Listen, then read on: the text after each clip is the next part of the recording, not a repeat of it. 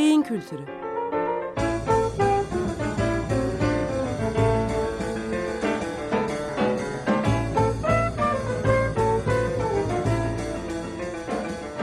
Tarihten, sanattan ve edebiyattan örneklerle beyin.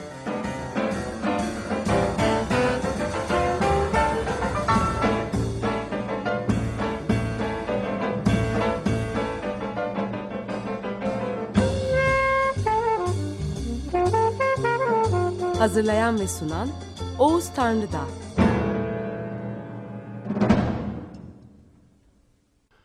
Merhabalar efendim. Beyin Kültürü programına hoş geldiniz. Ben Oğuz Tanrıdağ. Bugün 8 Şubat 2016 Pazartesi. Hatırlarsanız geçen programlarda e, edebiyattan çıkış yaparak bazı edebiyatçıların neredeyse 100 yıl sonraki bilimsel gelişmeleri tahmin etmekteki isabetlerle, sezgilerle dikkat çekmiştim. En son Marcel Proust'un bellekle ilgili, insan belleğinin özellikleriyle ilgili e, sezgisel yaklaşımının nörobilim deneylerinde, beyin araştırmaları deneylerinde doğrulandığını da söylemiştim. Devamlı öğrenme ve e, yeni hafıza oluşturma meselesinde bunun beynimizi güçlendirdiğini ve protein sentezi yoluyla beyindeki yıpranmayı azaltacak bir boyuta sahip olduğunu e, eklemiştim. Bugünkü programda da e, beyin araştırmalarının bu düşüncelere verdiği desteği e, ele almak ve örnekler sunmak istiyorum. En son kaldığımız yerde proteinlerin hayatın tuğlası ve harcı olduğunu ve anı oluşturmak için, öğrenmek için yeni bir protein sentezi gerektiğini ve bu protein sentezinin de zaman içinde beynin mimarisiyle bütünleşip beyni güçlendirdiğini söylemiştim. 2000 yılında New York Üniversitesi'nde Karim Nader, Glenn Schaffe ve Joseph Ledoux tarafından yapılan bir dizi alışılmadık deneyde bilimcilerin yalnız hatırlama ediminin bir yönüne dikkat çekmelerine rağmen bunun tersinin de söz konusu olduğu şeklinde sonuçlar çıktı. Yani bizim hatırlama anı oluşturma e, sırasında anıları değiş, e, değiştirdiğimizi söylemiştim ki Freud'dan beri dikkat çeken Freud'u bile huylandıran şeylerdi bunlar. Fakat aynı zamanda bu son yapılan araştırmalarda hatırlamanın anı oluşturup hatırlamanın da bizi aynı zamanda değiştirdiği e, sonuçları ortaya çıkmaya başladı. Yani e, iki yönlü bir gelişme son, e, söz konusu ve çok ilginç. Öğrenme ve anı oluşturma bir protein senteziyle sonuçlanıyor. Ve bu protein sentezi e, deyim yerindeyse beyne beyin katmak, beyin gücünü arttırma tarzında etkileri var. Ancak öğrendikçe ve yeni anılar oluşturdukça bizim de değiştiğimiz, bizim de aynı yerde kalmayıp değiş, değişim içinde olduğumuzu da bu son araştırmalar gösterdi. Araştırmacıların kobay olarak kullandıkları fareleri yüksek sesi ufak elektrik şokuyla özdeştirecek şekilde şartlandırdılar. Yani sıra acıya geldiğinde zihin çabuk öğrenir kuralından yola çıkarak. Tahmin edildiği üzere yeni proteinlerin yaratılmasını engelleyen bir kimyasal enjekte etmek farelerde korku verici bir anı oluşumunu da engellemişti. Yani yeni proteinlerin yaratılmasını engellediğiniz zaman anılarınızın üzerine bazı yorumlar katmanız da engelleniyor ve dolayısıyla anılarınız üzerinden yeni bir yorum getirme işi de engellenmiş. Beyinleri mevcut ortamı elektrik şokuyla bağlantılı hale getirilmediğinden şok her zaman şok ediciydi. Fakat Nader ve Ledo ve Schaffe bu basit deneyi bir adım ileri taşıdılar. İlkin farelerin şoku sesle özleştiren güçlü bir belleklerinin olup olmadığından emin olmak istediler. Sesi her duyduğunda korkuyla geri çekilen kemirgenlere ihtiyaç vardı.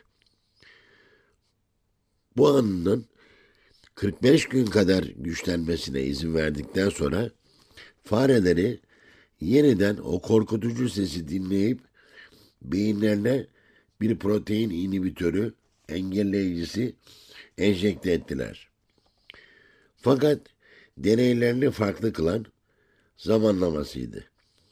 Bilimciler anı oluşturma sürecini kesintiye uğratmak yerine anıyı hatırlama sürecini kesintiye uğrattılar ve zararlı kimyasalı tam da fareler sesin ne anlama geldiğini hatırladıkları anda enjekte ettiler.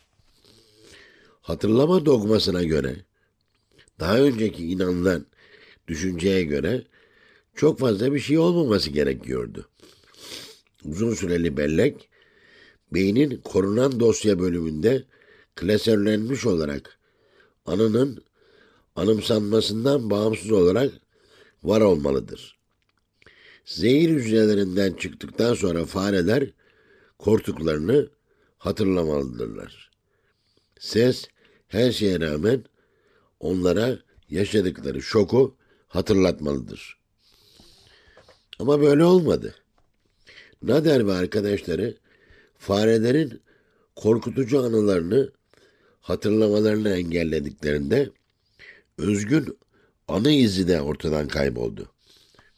Hatırlama süreci yalnızca tek bir kez kesintiye uğrayınca farelerin korkuları silinmişti. Fareler bellek kaybı yaşamıştı. İlk bakışta bu deneysel gözlemler alakasız gibi görünebilir. Ne de olsa anılarımızı hatırlama sürecinden bir şekilde ayrı olan değişim, değişmez izlenimler olarak düşünmeyi ve örnek vermeyi severiz. Ama gerçek bu değildir. Her anı ancak en son hatırlandığı kadar gerçektir. Bir şeyi ne kadar hatırlarsanız o anı o kadar kusurlu hale gelir. Burada çok önemli bir şeylerden bahsediyor bu deney sonuçları. İnsanın ee, kesinlikle anılarının üzerinde ne kadar oynarsa, anılarının üzerinden ne kadar yorum yaparsa, anılarını gerçek olaydan o kadar uzaklaştırdığını, yani bir anılarının üzerinde zihnin ve beynin bir mühendislik yaptığını söylüyor bize. Aslında Freud da aynı şeyden huylanmıştı. Kendisine muayeneye gelen cinsel istismar hastaları olan kadınların hikayeleri bir süre sonra o kadar çok benzeşmeye başlamıştı ki Freud iki ihtimali düşünmüştü. Ya bu kadınlar yalan söylüyorlardı ya da Viyana'da kendisinin göremediği kadar yaygındı cinsel istismar. Şimdi beyin araştırmaları Freud'un da huylandığı şeyi doğruluyor. Yani zihin anıları eskiden inanıldığı gibi bir depoda saklanan patates çuvalları gibi eee, saklamıyor. Bir depoda saklanan eee, bir mal gibi saklamıyor. Saklarken kendisi değişiyor ve aynı zamanda değiştiğine de anıların değişimine de kendisi inanıyor.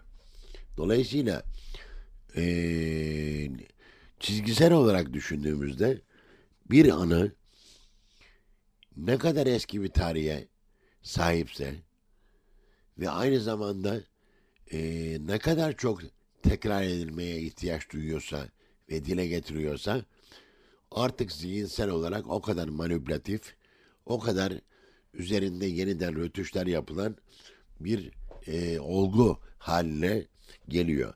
Burada tabii insan belleğinin eee, gerçekten yeniden bir kurgulanma süreci içinde kendi eee, kazandıkları şeyler üzerinde mühendislik yaptığını görüyoruz. Nader ve arkadaşlarının deneyleri de eee, bilimin daha önce inandığı hatırlama kuramlarının tamamen yeniden düşünülmesini gerekli kılıyor.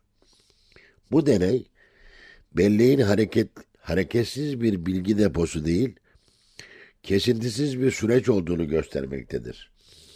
Bir şeyi her hatırladığımızda belleğin sinirsel yapısı ince bir dönüşüm yaşar. Bu sürece yeniden yeniden bütünleştirme denir. Freud bu sürece geriye doğru hareket adını vermişti. Anı özgün eee, bir itkinin ve temasın yokluğunda değişir, giderek hatırladığımız şey hakkında olmaktan çıkar ve bizim hakkımızda, bizim hakkımızda bizim kurguladığımız bir şey haline gelir. Dolayısıyla saf nesnel anı, kekin özgün tadına sadık olan anı, asla bilemeyeceğimiz bir anıdır. Kekin tadını hatırladığımız an, gerçekte tadının nasıl olduğunu unuttuğumuz andır. Freud'un eee, sözlerinden sonra Prost'un eee, bu kek şey, izlenimleri sırasında eee, yaşa, yaşadıklarını eee, mutluluk anını yazmıştı ve onun üzerinde yapılan beyin araştırmaları tat duyusunun yeni öğrenme merkezleriyle beyinde ne kadar yakın olduğunu eee, göstermişti. Ama aynı zamanda bu ilişki sadece iki olgu arasında olmamaktadır. Görünen odur. Yani yeniden öğrenilen bir şey ve onu belleğe kaydeden şey arasında değil. Aynı zamanda beyinde bu öğrenilen şey üzerinden giderek onun istenmeyen yanlarını rötuşlayan ve kendi e, kişinin istediği boyutta yeniden bir mühendislik, zihinsel mühendislik haline getiren bir çalışma söz konusudur. Buna da yeniden bütünleştirilme diyoruz. Prostane dediğimiz ilk olarak ilk izlenimin elde edildiği anın zaman içinde yeniden bütünleştirilmesinin keşkin, e, keşfi bizim insan zihninin e, matematiksel ve mantıksal olarak çalışmadığını, tamamen kurgusal olarak çalıştığını, inanç bazlı ve istek bazlı çalıştığını, beyindeki ödül ve haz merkezinin bu manipülasyonlarla çok yakından ilişkili olduğunu da göstermiştir. Prost için anılar cümleler gibi değiştirmeyi asla bırakmadığımız şeylerdi. Bu nedenle Prost yalnız tutkulu bir duygusalcı değil, aynı zamanda katlanılmaz bir yeniden yazıcıydı. Yani bunu keşfettiği için, bunun farkına vardığı için anının değişmesine müsaade etmemek adına bu değişkenlikleri de zihninde yaşadığı değişkenlikleri de yeniden yazma ihtiyacı duydu ki bu yazdıklarının 10 bin sayfaya kadar genişlemesine yol açtı. Yazı taslaklarının kenarlarına sürekli bir şeyler çiziktirir. Sonra kenarlar dolup taşınca sura e, özgün el yazmasının e, üzerine yap, yapıştırılmış küçük kağıt parçacıklarına gelirdi. Yazdığı hiçbir şey değişmez değildi. Kitabı matbaaya teslim ettikten sonra baskıyı durdurması alışılmadık bir durum değildi. Bu şekilde bir zihin çalışmasının beyin işlemesinin de böylelikle anormal bir şey olmadığını ve zihnin şekillenme kurallarına uyduğunu da görüyoruz. Ve önümüze iki tane örnek çıkıyor. Ee, birinci örnekte insanların işlerinden geldiği gibi hiç kelimesine dokunmadan aynı şekilde yazdıkları bir edebiyat örneği. İkincisinde de akıllarına gelen şeyleri yeniden yeniden detaylı bir şekilde gözden geçirip sürekli değiştirmeye eğilimlerine girmeleri.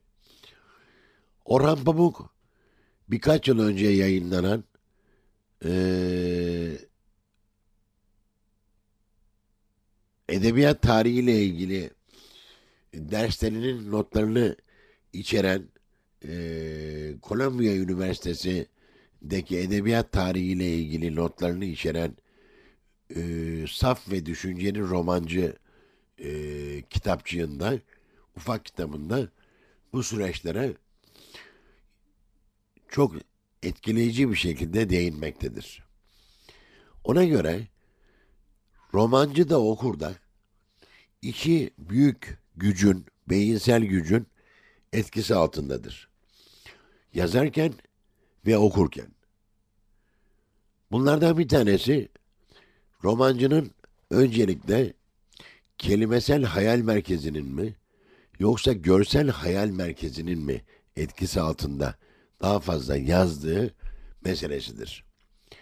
Bu bakımdan Orhan Pamuk romancıları ikiye ayırır. Görsel hayal merkezinin etkisi altında daha çok yazanlar, kelimesel hayal merkezinin, tahayyül merkezinin etkisiyle daha çok yazanlar. Bunun beyin araştırmalarının sonuçlarını çağrıştırmaması hiçbir şekilde mümkün değil. Çünkü biz biliyoruz ki insan beyninde sol ve sağ yarılar bu iki merkezin ağırlıklı olarak oturdukları yarılardır. Kelimesel hayal merkezi Orhan Pamuk'un kelimesel hayal merkezinden kastettiği yer nörobilimciler için beynin sol yarısıdır. Yani dil yarısıdır. Bu merkezin baskın olduğu kişiler daha çok e, dil bilgisi kurallarını kullanarak mantık ve matematiksel kurallarla birlikte yazma eğilimi gösteren kişilerdir. Ancak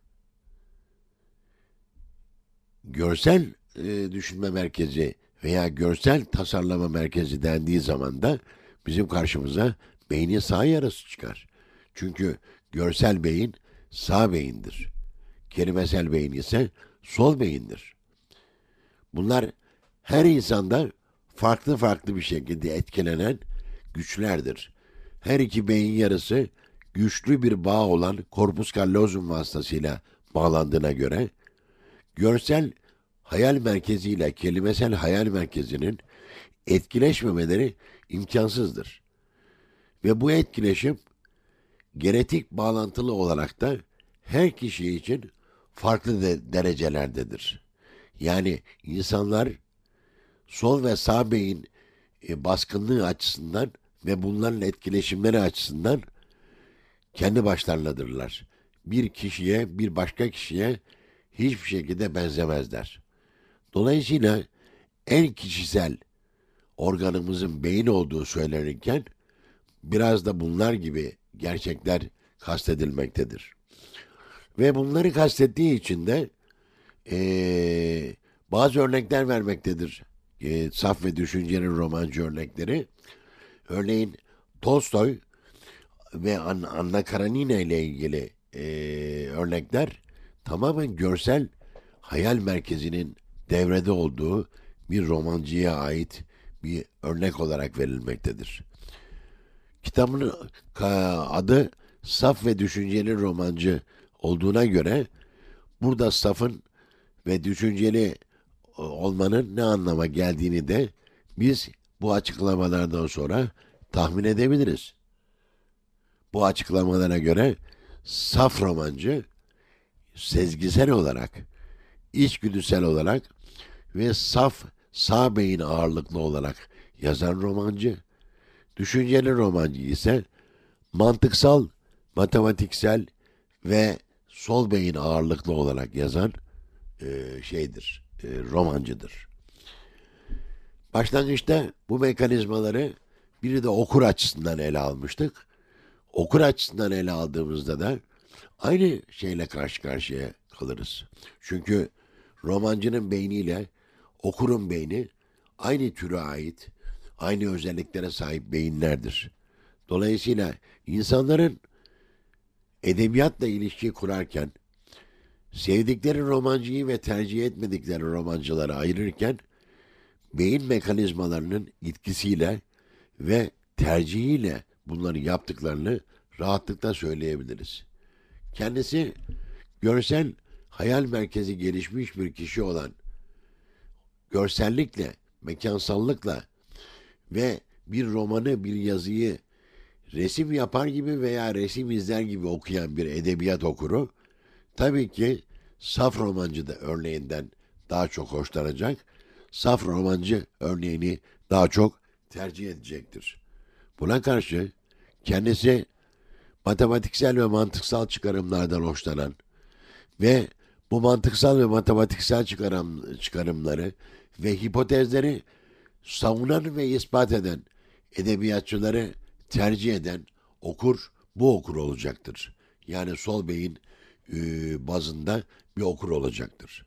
Dolayısıyla bu beyin araştırmalarının sosyal bağlamda ve kültürel bağlamda edebiyat yazarı ve edebiyat okurunun da hangi mekanizmalarla tercihlerini kullandığını ve e, kitapları hangi itkiyle, hangi sezgiyle alıp okuduğunu, bazı fikirleri okurken beklentisinin ötesinde neden dolayı hayal kırıklığı yaşadığını, bazılarının ise hiçbir ön fikre sahip olmadan aldıkları kitaplar olmasına rağmen yeni bir büyük bir keşif yapmışçasına o kitabı keşfettiklerini böylece beyin araştırmaları bize biraz daha net söylemeye başladı gibi duruyor. İyi bir hafta diliyorum. Beyin kültürü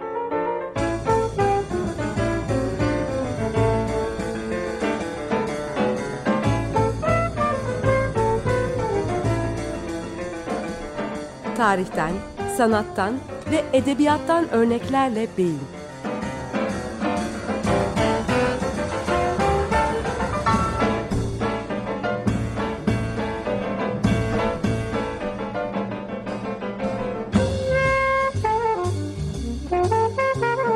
Hazırlayan ve sunan Oğuz Tanrıdağ.